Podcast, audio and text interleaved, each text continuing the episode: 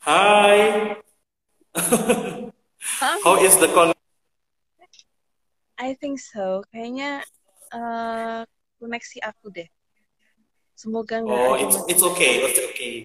So today kita mau bahas apa nih? Kita kita kan banyak topik yang perlu dibicarakan. Salah satu- satunya adalah topik tentang belajar gratis, ya kan? Sebenarnya belajar gratis itu apa sih? Boleh cerita, Miss Iren? Belajar gratis itu apa dan kenapa uh, belajar gratis ini perlu diadakan untuk anak-anak yang di seluruh Oke, yang ada? Kenapa? Coba cerita. oke. Uh, jadi aku cerita dari awal banget ya. Uh, jadi kegiatan ini aku mulai tahun lalu.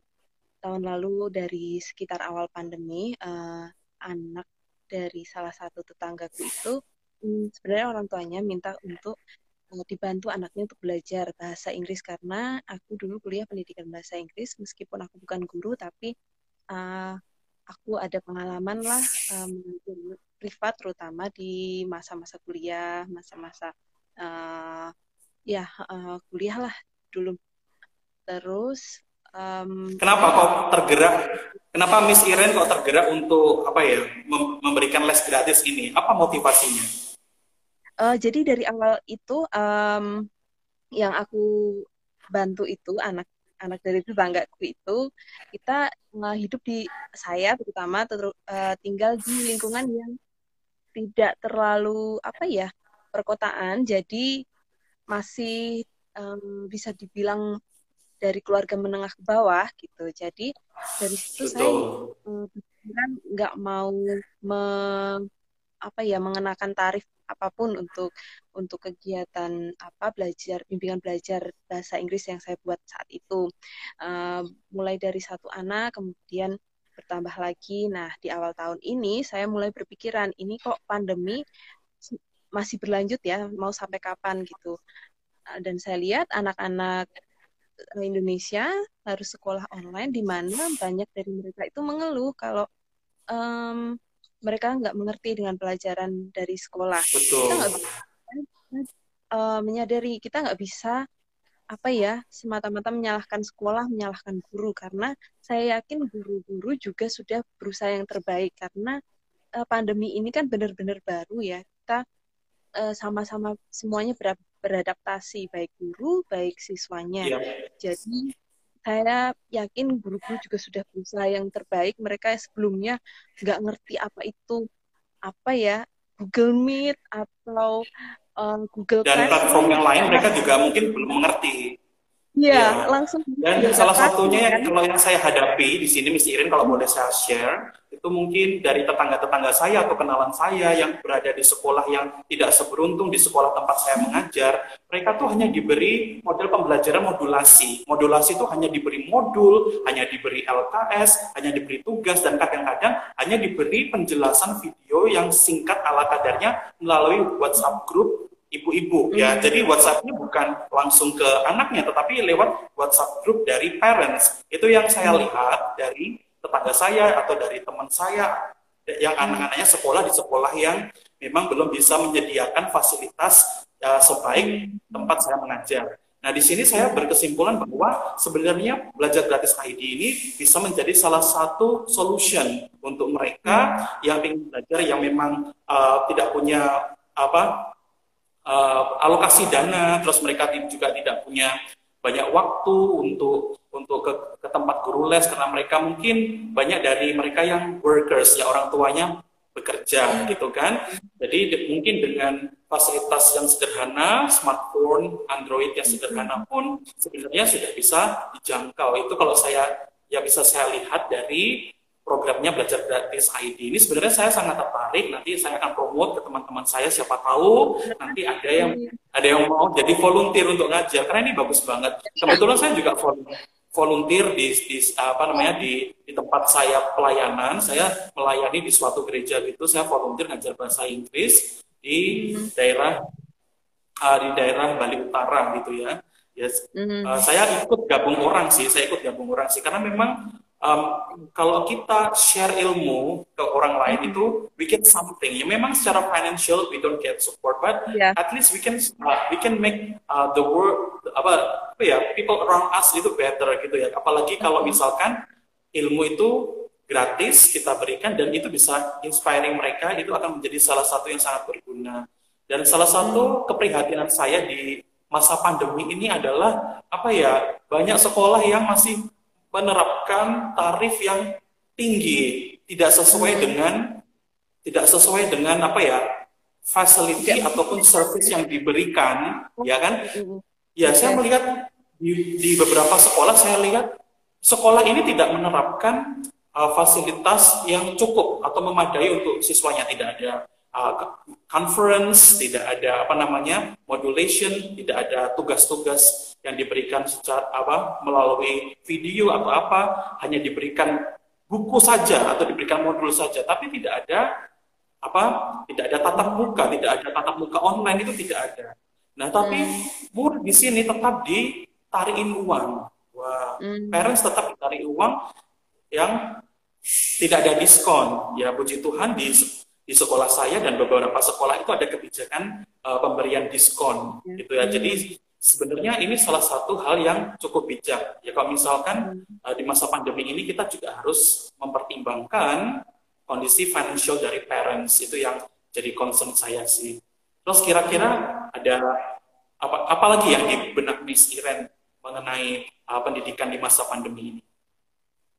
Uh, tentunya uh, kita jangan sampai tertinggal dengan negara-negara lain sih gitu dengan apa uh, sekolah online ini kan terbatas sekali makanya dari itu semoga dengan kegiatannya belajar kampus Indonesia kita bisa bantu anak-anak lebih memahami uh, pelajaran yang seperti yang Mr. Nick tadi sampaikan kalau ada beberapa sekolah yang tidak menyediakan apa uh, virtual learning ya, um, yes. pembelajaran lewat video call seperti ini gitu. Padahal yeah. ini meskipun bukan yang terbaik, tapi uh, di masa pandemi ini menurut saya paling baik gitu, di mana anak bisa bertanya langsung gitu. Hmm, yeah. uh, kembali Jadi ada interaction betul.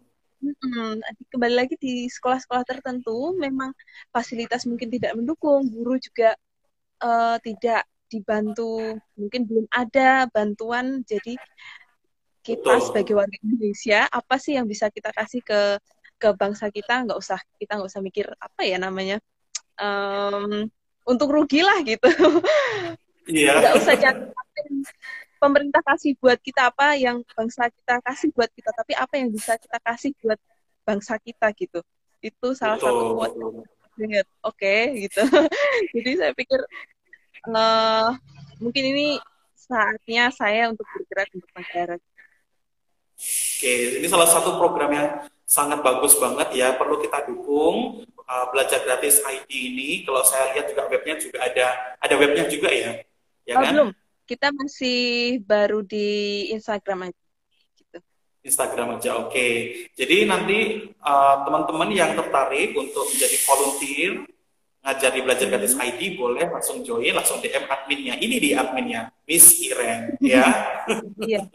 Um, juga buat uh, adik-adik, misal misal dari teman-teman Mr. Nick atau follower dari Mr. Nick, um, kalau tahu ada siswa yang kurang beruntung dia punya semangat belajar tinggi dan mau mengikuti Betul. kegiatan bimbingan belajar via virtual ini silahkan didukung di dibujuk untuk bergabung juga nanti kami bantu untuk mencarikan tutor yang tepat gitu. Ya, dan pastinya dan pastinya di masa pandemi ini kita harus sebagai pendidik, as an educator, we have to motivate students. Kita harus motivasi murid-murid kita. Sebenarnya apa sih yang bisa digunakan untuk memotivasi belajar?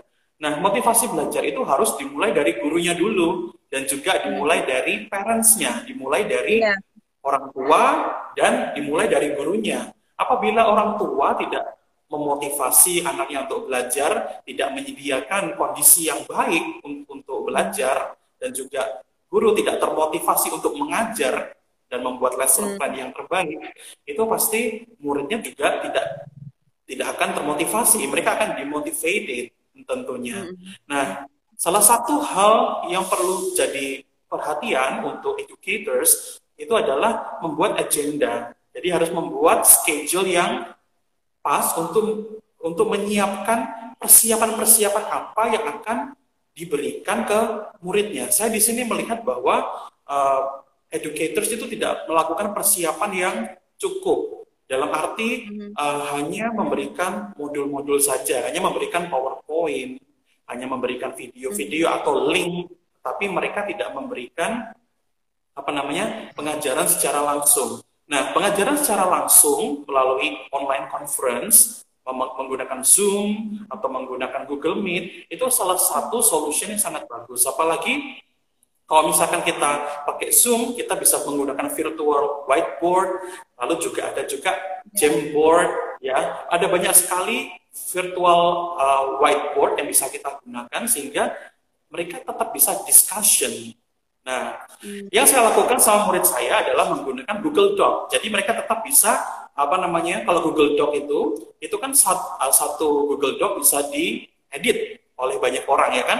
Jadi mereka tetap bisa berkelompok sama teman-temannya mengerjakan suatu project atau discuss suatu project. Sebenarnya ini kalau online pun bisa dilakukan uh, group discussion itu juga bisa dilakukan distant learning. Jadi nggak harus group discussion harus ketemu face to face, not like that. Tetapi kita juga bisa membuat students itu group discussion menggunakan Google Doc, ya kan, menggunakan Jamboard. Ada banyak banget platform yang bisa kita gunakan membuat siswa itu termotivasi sehingga mereka tuh menciptakan interaksi between peers gitu ya. Mereka kalau berinteraksi dengan temannya pasti akan lebih termotivasi daripada mereka berinteraksi dengan kita gurunya kadang-kadang seperti itu kan Miss Iren. Iya, iya. Saya malah Dan, banyak belajar. ya, gimana? Saya malah banyak belajar dari Mr. Nick nih. Nanti terima kasih. Saya juga belajar dari Miss Iren banyak. Nah, okay. sebenarnya kalau di, di online learning ini, Miss Ira setuju nggak sih kalau misalkan anak-anak itu motivasi motivasi belajarnya turun gara-gara banyak distraction, gara-gara banyak gangguan, benar nggak sih? Hmm, betul sekali, iya saya setuju sih kalau itu. Jadi eh, kira-kira uh, apa? Dari pengalaman salah satu siswa saya ya, jadi uh, siswa di belajar gratis Indonesia dia bilang sama saya, Min saya tolong cariin jadwal yang agak siang karena di malam hari justru uh, keadaan rumah saya itu ramai, jadi saya nggak bisa belajar oh. gitu. Jadi kembali ke tadi ya mungkin ya uh, orang tua menciptakan atau memfasilitasi uh, lingkungan belajar yang baik akan membantu betul, dia betul. Ya sebenarnya fasilitas belajar itu kan tidak harus pakai MacBook, tidak harus pakai apa iPhone, tidak harus pakai gadget yang mahal, tetapi mengkondisikan suatu ruang ya untuk layak belajar walaupun tidak mewah tapi sederhana tetapi nyaman. Mengkondisikan mengkondisikan suatu ruang itu bersih sehingga anak itu belajar bisa nyaman. Itu salah satu fasilitas yang bisa kita ciptakan untuk anak didik kita. Itu sebenarnya itu. Nah saya pernah ya waktu itu saya memberikan les online atau apa virtual lesson gitu ya. Jadi ada anak les gitu kan ke saya melalui Zoom gitu kan. Saya kan biasanya kalau ngasih les online itu melalui Zoom karena kalau kalau pakai Zoom itu enaknya kita bisa bisa kita bisa pakai virtual pen gini. Jadi kita bisa pakai virtual pen bisa nulis, jadi bisa muncul langsung di whiteboardnya gitu. Uh, kebetulan saya kan ngajarkan science sama math ya. Nah, um, saya lihat backgroundnya dari rumah anak itu kok berantakan gitu ya. Apa ini nggak dibersihin sama orang tuanya? Atau misalkan uh, membersihkan kamar itu memang tanggung jawab anak ya. Anak harusnya dilatih untuk membersihkan kamarnya. Karena memang kebersihan itu juga salah satu hal yang menciptakan motivasi itu semakin naik itu sih. Kalau saya sih seperti itu. Ya kan? Menciptakan kondisi uh, agar anak itu betah untuk belajar.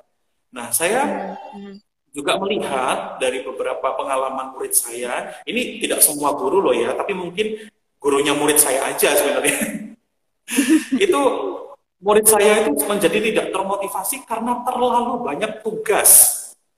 Terlalu banyak homework. Too much homework given to that student. So that student becomes so overwhelmed. Ya, padahal yang namanya full day school, konsep full day school, sekolah Senin sampai hari Jumat, itu seharusnya tidak ada yang namanya homework. Ya, harusnya homework dijadikan classwork seperti worksheet atau misal, misalkan paper dis, group discussion harusnya seperti itu. Nah, karena kalau misalkan homework, misalkan homework ya, mereka kan pasti kalau wifi share bandwidth sama keluarganya ya kan, share sinyal gitu ya sama keluarganya. Mm -hmm. Nah, kalau misalkan homework tidak setiap anak memiliki connection yang bagus, tidak setiap anak memiliki resource yang bagus. Harusnya di kondisi online seperti ini, di kondisi online seperti ini mereka bisa paham, guru-guru uh, bisa paham bahwa seharusnya anak itu dibuat belajar dan berproses di sekolah, di jam sekolah, yaitu dari jam 8 sampai jam 3, atau mungkin di sekolah lain dari jam 7 sampai jam 2 mungkin. Nah, harusnya anak-anak dibuat berproses di situ. Nah, itu sih saya melihat keprihatinan itu. Banyak guru itu nggak ngajar. Ya banyak guru tidak ngajar tapi ngasih PR sama modul. Cuma ngasih PowerPoint sama cuma ngasih modul gitu misalnya iya iya. Itu banyak terjadi. Makanya di situ uh, kita bantu nih anak-anak nih. Kalau dari per, uh, misal PR mereka nggak ngerti mereka bisa tanyakan ke tutor gitu. Betul. Nah, terus uh, sebenarnya murid-murid itu banyak yang excuse gitu karena mereka itu nggak punya fasilitas gitu ya contohnya. Nah kita per, sebagai educators, as an educator, uh, we have to teach them. Kita harus mengajari mereka mensyukuri fasilitas yang ada. Itu sih itu sangat penting. Itu kunci sangat penting. Memang mungkin uh, tidak semua orang punya fasilitas seperti Siskapol misalkan ya. Tidak semua orang punya fasilitas seperti anak-anak yang beruntung. Tetapi kita bisa ajarkan ke anak didik kita bahwa dengan fasilitas yang ada, apabila kita bersyukur, kita bisa memanfaatkannya semaksimal mungkin. Sebagai contoh, kita hanya punya handphone Android. Ya gunakan handphone tersebut untuk browsing, untuk lihat YouTube yang berguna, lalu untuk apa namanya, untuk uh, install apps yang berguna untuk pembelajaran. Ini salah satu hal yang bisa membantu sebenarnya karena kesadaran anak-anak untuk apa memanfaatkan fasilitas yang ada itu juga cukup kecil gitu ya. Sebenarnya banyak sekali apps yang apa namanya free ya apps yang free. Jadi kalau misalkan pergi ke Play Store itu banyak sekali uh, learning apps kayak biology, physics, chemistry yang bah yang fisika, kimia, biologi, yang bahasa Inggris, yang bahasa Indonesia, yang sebenarnya anak-anak itu bisa belajar di situ dengan mudah gitu. Nah, mm-hmm. ya kan? Sekarang apa-apa semua serba online. Kok memang kita di sini dituntut untuk bisa berubah, ya kita harus adjust with the condition gitu. Nah, dengan fasilitas yang sederhana seharusnya ya harusnya bisa menyesuaikan. Terus uh, huh? ya gimana gimana sih? Uh, satu hal uh, seperti fasilitas tadi ya. Um, jadi ada salah satu siswa saya itu oh sorry salah satu tutor kami uh, dia uh, kebetulan sinyalnya sangat susah. Jadi bisanya yeah. cuma pakai WhatsApp call. Jadi seminimal yeah. itu gitu. Seminimal pakai WhatsApp call kalau kita sama-sama punya motivasi yang besar untuk belajar itu bisa gitu. Gitu kembali ke betul betul. ya dan tugas educators juga untuk untuk memotivasi mereka ya siswa-siswa juga ya. Iya, sebelum kita memotivasi siswa, kita harus memotivasi diri kita sendiri, memotivasi diri kita dulu, gitu kan? Apakah kita sebagai seorang educator itu kita sudah termotivasi belum untuk mengajar? Apakah saya sudah membuat planning? Planning itu penting banget. Apakah saya sudah membuat materials? Apakah saya sudah uh, membuat material tersebut align to the syllabus atau sesuai dengan kurikulum atau belum. Karena mau nggak mau, ya di dalam dunia persekolahan ini, kita harus mengikuti silabus yang ditetapkan kalau kurikulum 13 itu mengikuti silabusnya dari pemerintah, ya kan? Kita harus menyesuaikan kompetensi inti dan kompetensi dasar KIKD yang ingin dicapai. Ya kan? Supaya anak-anak itu memiliki kecakapan ketika mereka lulus sesuai dengan uh, kompetensi yang ditetapkan pemerintah. Kalau mungkin di international school seperti saya mungkin uh, mungkin mengikuti dari uh, Cambridge gitu ya atau mungkin di sekolah lain yang pakai IB curriculum mengikuti uh, apa namanya rules dari IB. Memang kita harus membuat sesuai dengan learning objektif apa yang ingin dicapai dari uh, dari dari subjek tersebut. Itu sangat penting banget sih kesadaran bagi guru untuk ingin learning outcome-nya ini apa. So, kalau misalkan kita ngajar, learning outcome-nya ini apa, itu sangat penting banget. Terus, uh, yang ingin saya sampaikan di sini, itu adalah, apa ya, kita harus mengkondisikan siswa itu untuk happy belajar. Karena yang namanya teenagers, especially teenagers, itu mood swing-nya itu ya ya kita sebagai mantan ex teenagers ya walaupun saya forever young anda juga forever young gitu ya. Tapi yang namanya teenagers itu pasti kan ada yang namanya mood swing. Ya kita harus understand we have to understand teenagers. We cannot apa force teenagers ya to do something when they are in bad mood gitu kan Nah, bagaimana caranya supaya bisa menja supaya masuk ke uh, ke apa ya invisible wall-nya of the teenagers? Kita harus jadi apa? Good listener. Ya, kita harus jadi good listener listener of the teenager. Ya kan? Nah, ini banyak sekali yang uh, menjadi apa ya distance between uh, teacher and student itu karena between teacher and student itu ada invisible wall yang dibangun oleh teenagers. Jadi kita harus mencoba untuk masuk dulu. We have to be hmm. patient, harus sabar, gitu kan? Nah, kita harus motivasi diri kita, kemudian baru sampaikan hal-hal yang positif, sugesti-sugesti yang positif ke hmm. students kita. Yang terjadi apa? Di sini saya lihat untuk khususnya saya tidak bermaksud untuk apa ya menyalahkan generasi-generasi X baby boomer atau apa ya karena saya selak, selaku milenial, saya belajar banyak. Gitu. Ketika saya diajar dulu oleh generasi yang dulu, itu terlalu banyak apa namanya otor, sifat otoriter yang ditampakkan ke apa namanya ke, kepada murid. Sedangkan sekarang itu guru dituntut untuk lebih jadi demokratis. Guru dituntut untuk uh, bisa apa namanya bisa understand the condition of teenagers jadi itu yang ingin saya sampaikan supaya uh, di dalam pandemi ini murid itu nggak stres. Banyak murid itu stres belajar, banyak murid itu stres apa malas sekolah. Itu karena karena tidak adanya kesadaran atau awareness tentang apa mental health ini. Ya, jadi guru juga harus tahu mental health apa mental health itu juga penting. Jadi memahami dulu remaja, terus kemudian kita harus mendesain pembelajaran yang sesuai learning style-nya mereka. Karena kan learning style mereka kan macam-macam ya. Kalau misalkan saya tuh lebih visual, saya lebih suka baca, saya lebih suka lihat video. Tapi ada anak yang suka ketika diajarin sama gurunya, ada anak yang lebih suka ketika diajarin sama temennya, jadi lebih ke auditory.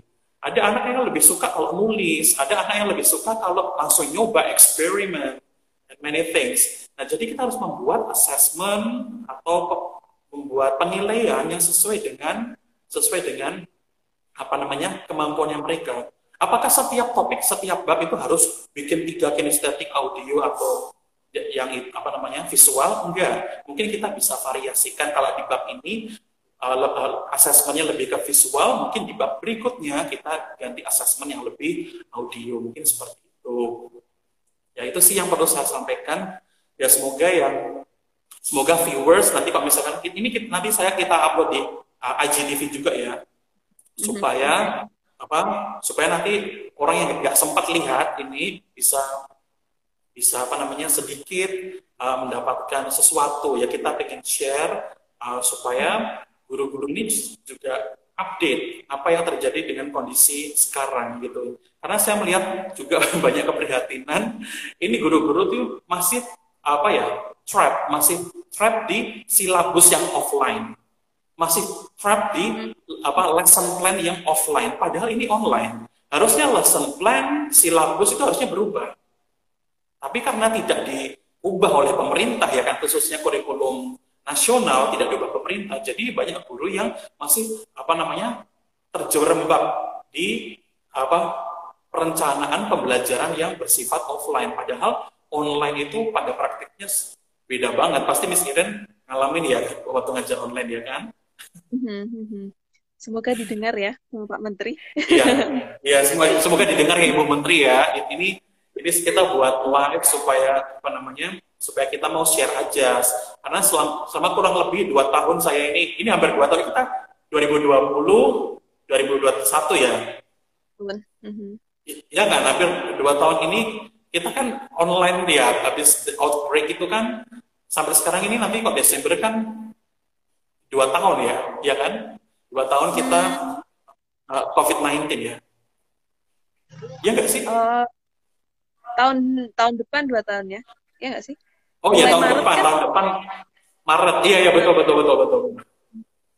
Iya tahun depan Maret itu apa namanya dua tahun. Jadi ya, kita satu setengah. Ya, hmm.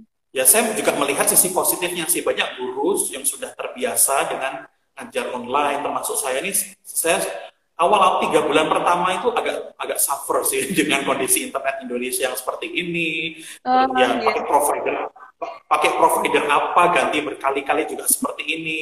Ya puji Tuhan ini kalau pakai uh, wifi sekolah ya puji Tuhan bagus. Ya tapi kalau misalkan pakai provider yang di rumah kadang juga apa ya tidak mendukung untuk belajar gitu jadi bandwidthnya harus harus dinaikkan padahal kalau misalkan pasang yang misalkan apa Mbps yang tinggi itu kan juga mahal dan tidak setiap uh, guru atau uh, tidak setiap siswa itu mampu untuk apa namanya install apa namanya dengan biaya seperti setinggi itu ya kan. Ya. Nah harus harus ada apa ya perhatian mungkin dari pemerintah kalau masih online mungkin bisa memberikan submit mungkin alokasi dana covid ini juga juga diberikan untuk mereka yang uh, masih sekolah gitu ya khususnya para, para siswa yang terkena dampak dari orang tuanya yang covid khususnya itu sih. Mm -hmm. Kalau kemarin-kemarin sih setahu saya ada apa ya uh, kuota gratis dari pemerintah ya tapi terus iya tapi saya nggak dapat itu masih atau enggak di beberapa daerah dapat mis di beberapa daerah dapat di beberapa daerah dapat tapi kalau di di Jogja dapat nggak mis mis di Jogja dapat nggak dapat halo Halo Tes. Oke, okay, udah kembali. Oke. okay. Kalau Miss di Jogja dapat bantuan nggak dari pemerintah kuota gratis itu? Enggak ya? Um, kebetulan uh, anak saya kan udah PAUD dan dari yeah. PAUDnya itu saya didaftarkan. Uh, dapat dapat tapi sampai bulan apa? Bulan apa ya? Hmm. Tahun lalu kayaknya. Terus udah nggak ada lagi. Um, ya jadi ini perlu banget Mm-hmm. Ya, jadi ini perlu banget kalau misalkan kalau misalkan nanti ini akan diperpanjang lagi online schoolnya, perlu ada perhatian atau alokasi dana mungkin dari Kementerian Keuangan mohon tol, uh, minta tolong ini agar sekolah-sekolah disuntikan dana ya, terutama untuk pengadaan WiFi yang layak dan cepat dan tidak lambat ini ya. Mohon mohon, mohon banget ya. Kemudian ini kan kalau online begini, kayak misalkan saya science teacher, itu virtual lab, ya kan? Kan harus virtual, harus kita juga harus ngajar virtual lab atau kita ngajar pakai virtual things that and we have to pay using our own credit card gitu kan. Karena kita, kita subscribe tuh harus pakai credit card. Misalkan virtual lab kayak Labster atau apa pun itulah. Itu kan kita kan harus subscribe sendiri. Ya kalau bisa ya ya pemerintah ya subscribein buat kita lah ini Karena di Malaysia itu, uh, di Malaysia ini teman saya ngajar di Malaysia seorang guru, ya beliaunya itu untuk kayak virtual lab dan lain-lain itu dari pemerintah itu dapat. Jadi mereka tuh bisa akses virtual lab yang tadinya berbayar itu di Malaysia di, jadi gratis. Di Malaysia jadi gratis hmm. begitu. Dengan kalau di Indonesia masih bayar. Hmm. Terus apalagi ya ingin ingin saya sampaikan. Nah ini di pandemi ini kita guru-guru pasti terdampak ya Miss Iren ya, terutama kalau kita uh, punya edu bisnis ya kan, kita punya les-lesan, kita punya kursus itu pasti kita terdampak ya kan Miss Iren. Betul. Ya, ini mungkin ini mungkin ini tipsnya buat guru-guru di sana yang ngelesin yang terdampak sama seperti saya juga les-lesan juga banyak turun. Ini mungkin kita uh, lebih bisa sekarang ini saatnya kita upgrade skill sebenarnya.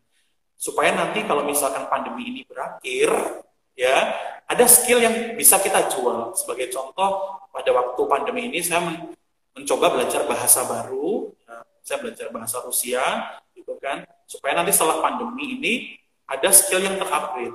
Kayak teman saya kemarin, teman saya kemarin kursus bahasa Inggris, ya selama pandemi kemarin itu kursus bahasa Inggris, eh ternyata teman saya ini melamar di tempat lain, lain di uh, di sekolah yang lebih bagus, yang apa salary-nya lebih bagus, akhirnya dia bisa masuk karena dia telah memiliki skill bahasa Inggris yang bagus. Nah mungkin uh, this is not the time for us to edu business. Jadi mungkin kita lebih upgrade skill aja mungkin kali ya di pandemi ini mungkin bapak ibu guru bisa mengikuti training bisa mengikuti apa namanya workshop atau webinar yang mungkin bisa bisa mengupgrade skill bapak ibu guru gitu. By the way banyak ini loh. Iya, by the way banyak juga uh, webinar gratis. Setahu saya dari mentari.id ya. Coba lihat ya, mentari edu. Mentari Edu. Coba cari di Google Mentari Edu itu banyak apa webinar yang gratis. Nah, setiap bulan mereka selalu ada kayak event uh, dari Mentari, ya Mentari Edu, itu mereka selalu ngasih training gratis. Kalaupun bayar itu nggak mahal-mahal, paling cuma 100, 200, ada yang ada yang cuma puluhan ribu, cuma berapa, 25 atau 50 gitu. Tapi bagus, training-trainingnya mereka bagus. Jadi apa namanya bisa bisa upgrade skill kita, kita dapat sertifikat juga sebagai pendidik ya kan, itu akan menambah nanti suatu saat kalau kalau misalkan kita mau daftar sertifikasi bisa kita gunakan sertifikat-sertifikat itu. Yang di pandemi ini mungkin Bapak Ibu guru, kita semua termasuk saya mungkin lebih ke upgrade skill ya. Oh iya, ngomong-ngomong tentang uh, cerita guru. Ini salah satu akun yang apa berafiliasi dengan belajar gratis ID adalah cerita guru ya kan boleh cerita ya. dong Kak Iren cerita guru ini gimana kalau itu lebih ke menyalurkan apa ya bukan hobi juga sih sebenarnya karena saya uh, terutama sejak kerja online saya di rumah kegiatannya dengerin podcast nih. Nah terus aku oh. pikiran apa ya? Aku jadi pengen bikin podcast nih tapi apa ya? Tentang apa ya? Gitu yang bermanfaat gitu yang nggak jauh-jauh dari bidangku. Nah akhirnya eh, aku kepikiran cerita guru ini tentang kita bahas eh, hal-hal yang masih berkaitan dengan pendidikan. Jadi uh, aku nggak cuma um, ngobrol sama guru tapi juga pendidik terus uh, mahasiswa yang jurusannya pendidikan gitu-gitu kita share yeah. idea, kita share pengalaman gitu-gitu. Nah nanti kalau ada followernya Mr. Nick atau Mr. Nick sendiri nanti akan jadi um, bintang tamu saya di ya kita share boleh, boleh. cerita. Uh, semoga cerita-cerita itu jadi inspirasi buat masyarakat luas gitu. Harapan saya itu sih cuma kegiatan aja ngisi-ngisi kegiatan terutama di masa pandemi ini gitu. Betul. Ya di masa pandemi ini kita harus mengisi dengan kegiatan yang berguna dan juga inspiratif gitu kan. Nah kalau misalkan kalau misalkan uh, di masa pandemi ini kita terpaksa ya terpaksa untuk uh, tidak tidak mengajar mengajar sesuai dengan kurikulum itu tanggapan Miss Iren bagaimana? Um, karena saya, sorry.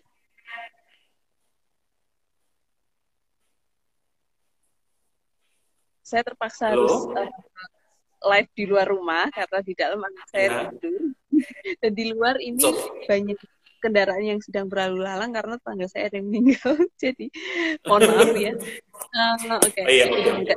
sekarang. Um, kalau saya, saya kan lebih ke uh, tutor ke institusi apa ya informal gitu bukan formal yeah. jadi saya um, apa ya bukan tempat saya mungkin untuk berpendapat tentang hal ini um, karena di saya saya lebih mengikuti ke um, pelajaran sekolah siswa jadi mereka oh. belajar apa saya membantu untuk memahami lebih dalam gitu uh, ada beberapa. Tapi seandainya Miss Iren sebagai orang tua, tapi saat seandainya Miss Iren sebagai sebagai apa ya parents gitu ya anaknya diajar tidak sesuai dengan kurikulum dari pemerintah karena pandemi.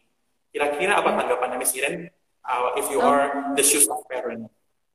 Saya lihat dulu uh, kenapanya terus uh, mau pakai kurikulum yang seperti apa gitu karena saya yakin kalau um, tidak mengikuti kurikulum yang telah ditetapkan pemerintah ada pembicaraannya ada uh, parents meeting kan ada pertemuan dengan yes. orang tua jadi uh, kalau selama itu mendukung mendukung pembelajaran terutama online kenapa enggak gitu karena ya, betul. ya sesuai kan kalau kondisinya kan berbeda dengan pembelajaran tatap muka. Ya, jadi yang dialami ini kalau saya lihat di lapangan, khususnya dari kurikulum nasional, kurikulum nasional itu banyak sekali kompetensi yang dipangkas, ya terutama yang ber, berkaitan dengan praktek, ya physical uh, practice, physical practice itu banyak yang dipangkas karena memang tidak bisa memenuhi uh, tidak bisa memenuhi apa ya kondisinya kondisinya tidak memungkinkan untuk mengadakan uh, praktek tersebut. Nah ini banyak sekali terjadi di SMK SMK misalnya. Kalau saya lihat di SMK SMK itu mereka sangat kesulitan. Kalaupun mereka harus datang, mereka harus datang ke sekolah, ke sekolah itu mereka harus bergiliran. Jadi kalau saya lihat guru-guru di SMK itu kerjanya lebih ekstra daripada hmm. guru-guru di SMA atau guru-guru di SMP guru-guru di SMK sekolah menengah kejuruan seperti jurusan mesin, jurusan desain atau apa pun itu saya lihat di lapangan mereka lebih apa kerja ekstra karena mereka harus Hi Theodora, this is my student. Halo Theodora, see, see you see you next Monday. Halo Mutiara. Perkenalkan ini Miss Iren. Miss Iren ini adalah teman Mr. Nick waktu kuliah. Beliau adalah guru dari belajargratis.id. Nah, ini salah satu uh, uh, organisasi yang didirikan beliau dengan rekan-rekannya untuk mengadakan pembelajaran gratis untuk anak-anak di luar sana yang membutuhkan bantuan les gratis. Karena di pandemi ini tidak semua sekolah tidak semua sekolah bisa memberikan fasilitas yang baik untuk anak-anaknya, untuk anak apa anak didiknya. Oke, kita lanjut Miss Iren. Nah, kira-kira Miss Iren, kalau misalkan uh, kalau misalkan di sekolah, ya misalkan di, di sekolah, yang terutama di kurikulum nasional mengalami hal seperti yang di SMK, itu di sini saya melihat bahwa guru-guru SMK ini kerja ekstra karena uh, mereka tidak bisa praktek di satu ruangan dalam waktu bersamaan. Begitu. Ya, salah satu share dari teman-teman saya waktu saya memberikan webinar ke teman saya, uh, di sekolahnya teman saya waktu itu saya diundang jadi pembicara di sekolah teman saya itu di sana mereka itu kesulitan untuk mengatur jadwal mengatur jadwal apa namanya untuk prakteknya mereka sangat kesulitan. Gitu. Halo? Mm-hmm. halo? Nah yeah. jadi jadi guru SMK-nya tuh harus kerja ekstra. Guru SMK-nya tuh harus kerja ekstra bahkan prakteknya tuh sampai tiga shift empat shift gitu karena karena memang tidak mungkin mereka harus ke sekolah bersamaan sesuai dengan protokol kesehatan. Wah ini benar-benar banget. Ya terus saya terus mereka juga ngeluh. Apa? Sampai malam tapi nggak di, gak dikasih makan gitu dari pihak sekolahnya. Sampai seperti itu loh wah perjuangannya hebat sekali itu. Saya sangat appreciate sama teman-teman saya dari SMK ini. Apalagi tuh ngajarnya tuh pelajaran-pelajaran yang berat-berat kayak mesin-mesin gitu kan ya. Di, di otomotif gitu kan. Wow you're amazing teacher gitu kan. Iya yeah, nah, iya. yeah. jadi Dan di pandemi ini memang ya. Ya kalau kayak saya ini biasanya saya membuat lesson plan itu mudah. Tapi sekarang saya harus mikir banget apa ya kira-kira nanti di online ini saya uh, what will I say to my students? What will I plan buat assessment apa yang mereka itu mereka bisa engage, apa engage gitu loh. Assessment apa yang membuat mereka itu tetap stay fokus. Karena fokusnya mereka itu di online itu beda sama offline. Di offline aja kadang-kadang mereka nggak fokus kan, apalagi di online gitu kan. Nah, jadi kesulitan saya sebagai guru kalau di online ini adalah menjaga fokusnya mereka karena distraction itu everywhere. Ngalamin juga ya murid-muridnya. Boleh cerita dong distractionnya? Uh. Uh, seperti yang saya sampaikan tadi kadang, nah, anak ini kan nggak cuma sendiri ya, dia ada saudara perempuannya yang lain yang nggak les gitu. Nah, pas saat yeah. itu juga mereka membuat kegaduhan. Nah, ini udah deh mulai ke sana kemari. Tetap muka aja, distraksinya aja banyak, apalagi yang nggak dipantau ya, maksudnya nggak langsung. Betul, betul. itu tantangan sekali, tantangan sekali. Ya, betul. Oke. Terus yang ingin saya sampaikan lagi, ini sebenarnya adalah uh, pada pada masa benar-benar untuk belajar banget itu yang namanya uh, kemampuan berkomunikasi secara positif gitu. Karena di masa pandemi ini orang lebih mudah untuk get irritated ya kan, lebih mudah sensitif, lebih mudah tersinggung. Begitu juga dengan siswa, begitu juga dengan siswa. Jadi pernah ya maksudnya kita ngomong bicara peluang aja kadang-kadang ada siswa yang apa namanya uh, kayak tidak termotivasi kayak takut sama kita gitu ya itu bukan sama saya sih tapi ada kasus di luar sana yang takut sama gurunya itu saya pernah diceritai seperti itu nah di sini di masa pandemi ini apalagi kita tidak bertemu secara langsung kita harus belajar bagaimana caranya berkomunikasi dengan baik. Nah, kalau misalkan kita di depan kamera seperti ini, ya kita harus perhatikan mimik muka kita, bagaimana mimik muka kita tuh lebih friendly supaya yang lihat kita meskipun virtual itu mereka merasa safe sama kita. Gitu.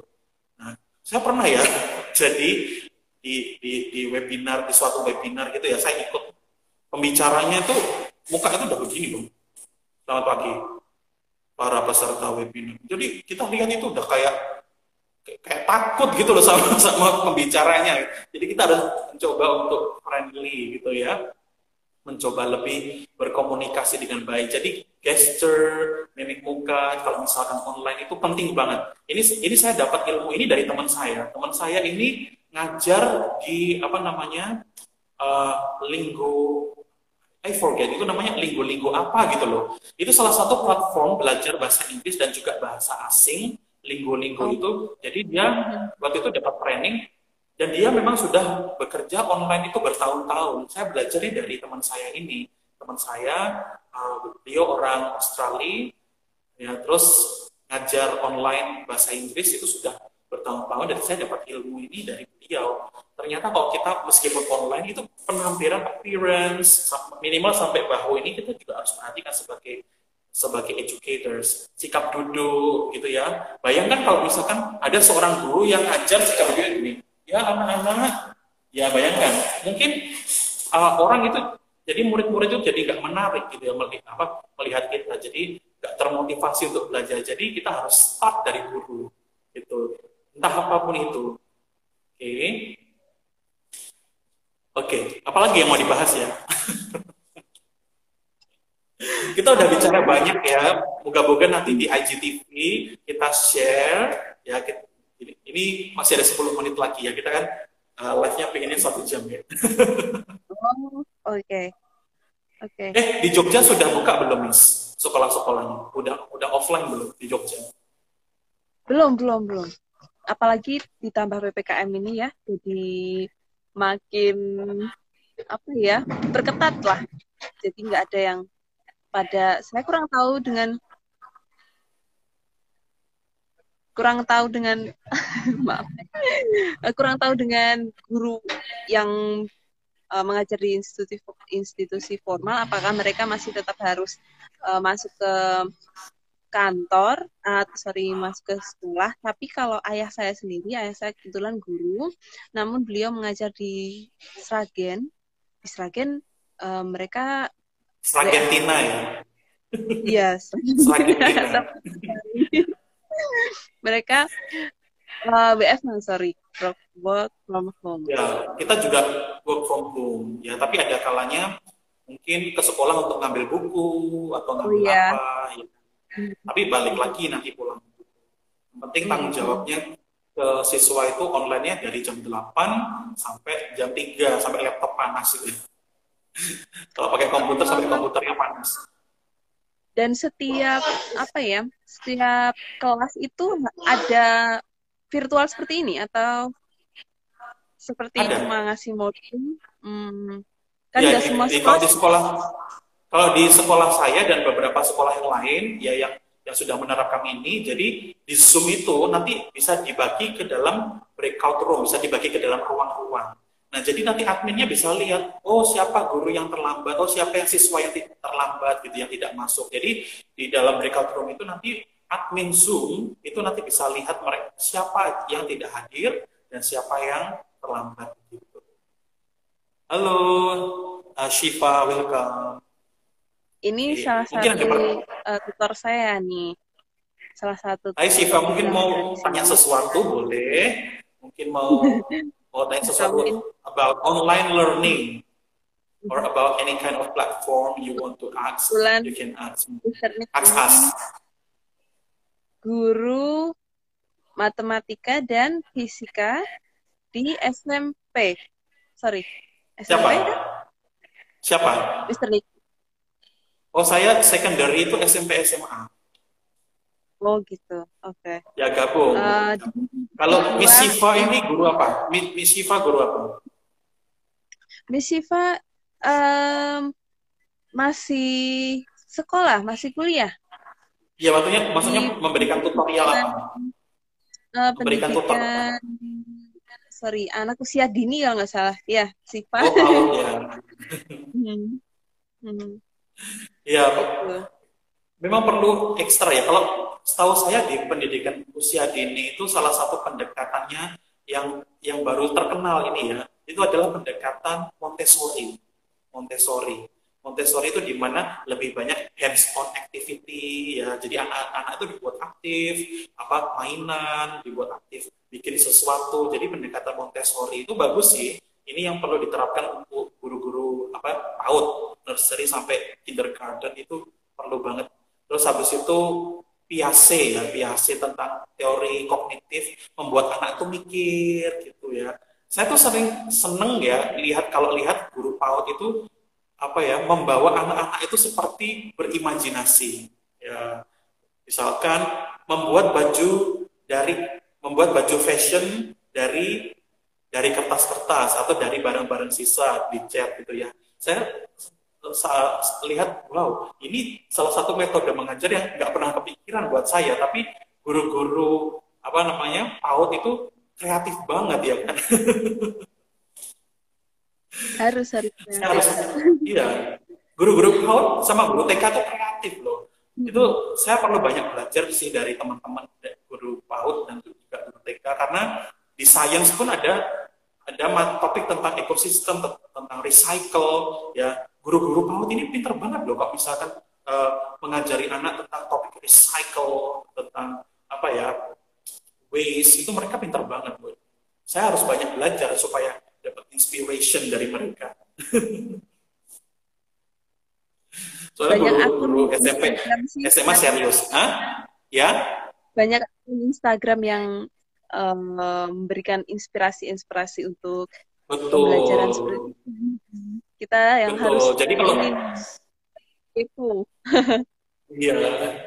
Jadi mulai sekarang kita harus smart kalau follow Instagram atau atau follow uh, TikTok ya kita harus smart ya kita harus cari uh, apa namanya account yang benar-benar memberikan inspirasi buat kita. Jangan cuma akun gosip yang di follow ya.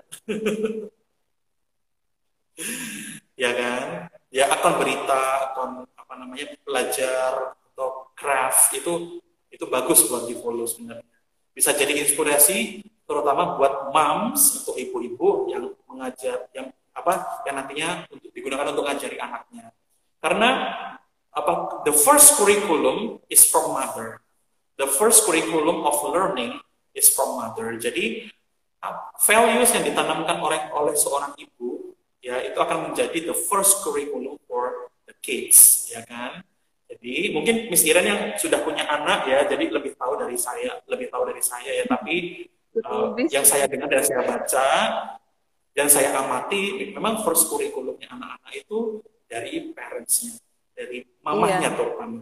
Kemudian baru papahnya.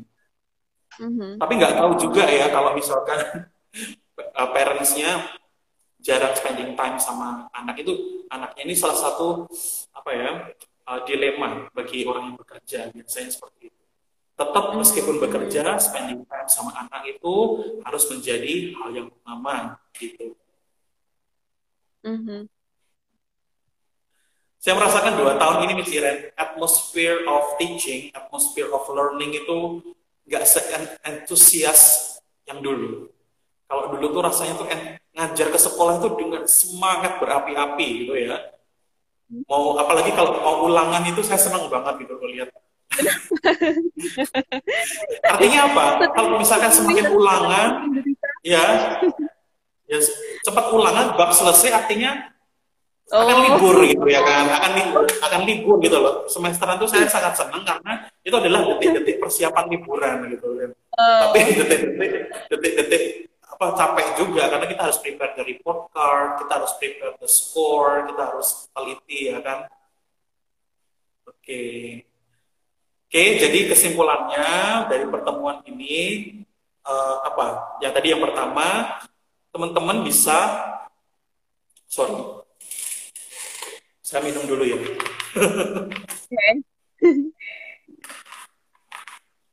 Teman-teman bisa follow akunnya belajar gratis.id nah di situ teman bisa teman-teman bisa chat uh, apa namanya adminnya jika teman-teman tertarik atau rindu untuk melayani rindu untuk share the knowledge the knowledge that you have. Jadi teman-teman bisa bisa berbagi ya tanpa hmm. yang mungkin apa namanya aduh apa ya kebaikan pahala apa yang bisa aku dapat? Gitu ya. Di pandemi ini. Jadi dari sini kita bisa dapat pahala juga ya kan bisa istilahnya kalau orang dari apa teman saya muslim bilang itu ibadah ya. Jadi sharing untuk kebaikan juga itu juga ibadah. Nah teman-teman bisa hubungin uh, belajargratis.id dan mungkin teman-teman lihat orang-orang di sekitar yang membutuhkan atau anak-anak yang membutuhkan apa namanya les gratis atau membutuhkan konsultasi belajar itu bisa langsung hubungi belajargratis.id supaya apa? Supaya kita bisa menyelamatkan atau minimal membantu sedikit apa agar mereka termotivasi belajar terutama di masa pandemi. Karena saya juga mengalami ketika saya pelayanan di Bali Utara di sana ternyata banyak anak-anak yang pinter tapi mereka tuh nggak mampu les jadi hmm. talent mereka tuh stuck di situ aja. Nah dengan adanya belajar gratis ID ini teman-teman bisa spread kindness teman-teman bisa berbagi ilmu dan juga anak-anak yang memerlukan bisa dibantu. Itu aja sih. Yeah. mungkin guru-guru tidak bisa membantu banyak gitu ya terutama, terutama berkaitan dengan financial ya. Tapi kalau tapi kalau ilmu ya puji Tuhan kita bisa, insya Allah kita bisa bantu ya kan, bisa tanya kapan aja. Mungkin bagi teman-teman follower saya uh, di Celebrity Teacher, teman-teman kalau misalkan ada question, if you have questions about math, about uh, chemistry, biology, physics, you can ask me. Okay, if you have like uh, uh, friends or kids uh, who needs my help ya ya as long as I can as long as I can I can I can help you ya hmm. nanti rencananya doakan yang Ren saya ingin membuat suatu platform belajar online hmm. dan di situ akan saya akan saya taruh konten-konten apa namanya gratis sehingga orang-orang bisa mengaksesnya dengan mudah doakan ya Amin. terutama konten-konten dalam bahasa Inggris science in English hmm math in English. Ya. Ini sedang saya susun karena saya juga sibuk sama sekolah. Ya paling nggak nanti doakan dalam tiga bulan ke depan bisa terrealisasi, terrealisasi gitu ya. Jangan lupa okay. di buat teman-teman ya buat teman-teman yang apa miss uh, dari dari apa namanya live ini nanti bisa lihat di IGTV. Oke. Okay.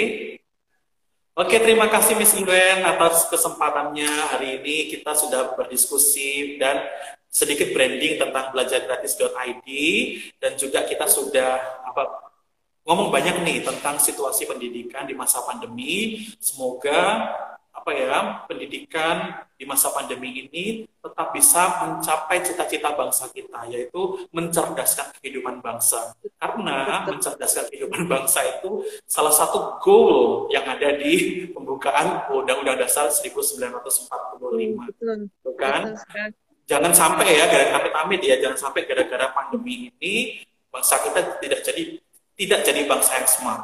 Bangsa kita jadi bangsa yang terbelakang jangan sampai ya. Semoga Bapak Menteri Pendidikan dan juga stafnya dari Kemendikbud itu bisa mengakomodasi seluruh guru, baik itu guru negeri maupun guru swasta, adil semuanya diakomodasi, baik itu sekolah negeri maupun sekolah swasta, diakomodasi pemerintah supaya bisa menyelenggarakan pendidikan yang mencerdaskan kehidupan bangsa. Gitu. Terima kasih Miss Iren, sampai jumpa di live berikutnya. Ada pesan-pesan untuk follower Anda? Um, follower saya? Oke, okay, ya. buat teman yang pengen mendaftar tutor segera aja bisa uh, daftar di link tree di bio kami belajar ID di situ ada form pendaftaran untuk siswa dan juga uh, relawan tutor um, mohon maaf untuk sertifikat kami belum bisa memberikan karena ini masih baru saya masih mencari tahu bagaimana menerbitkan sebuah sertifikat. Kemudian untuk adik-adik yang in, uh, ingin sekali belajar ingin sekali dibantu untuk belajar namun tidak ada um, dana untuk membayar guru les, silahkan segera mendaftar. Nanti kami bantu untuk menjadikan tutor untuk kalian supaya kalian tetap bisa belajar, tetap bisa uh, mengejar uh, prestasi kalian dengan baik gitu.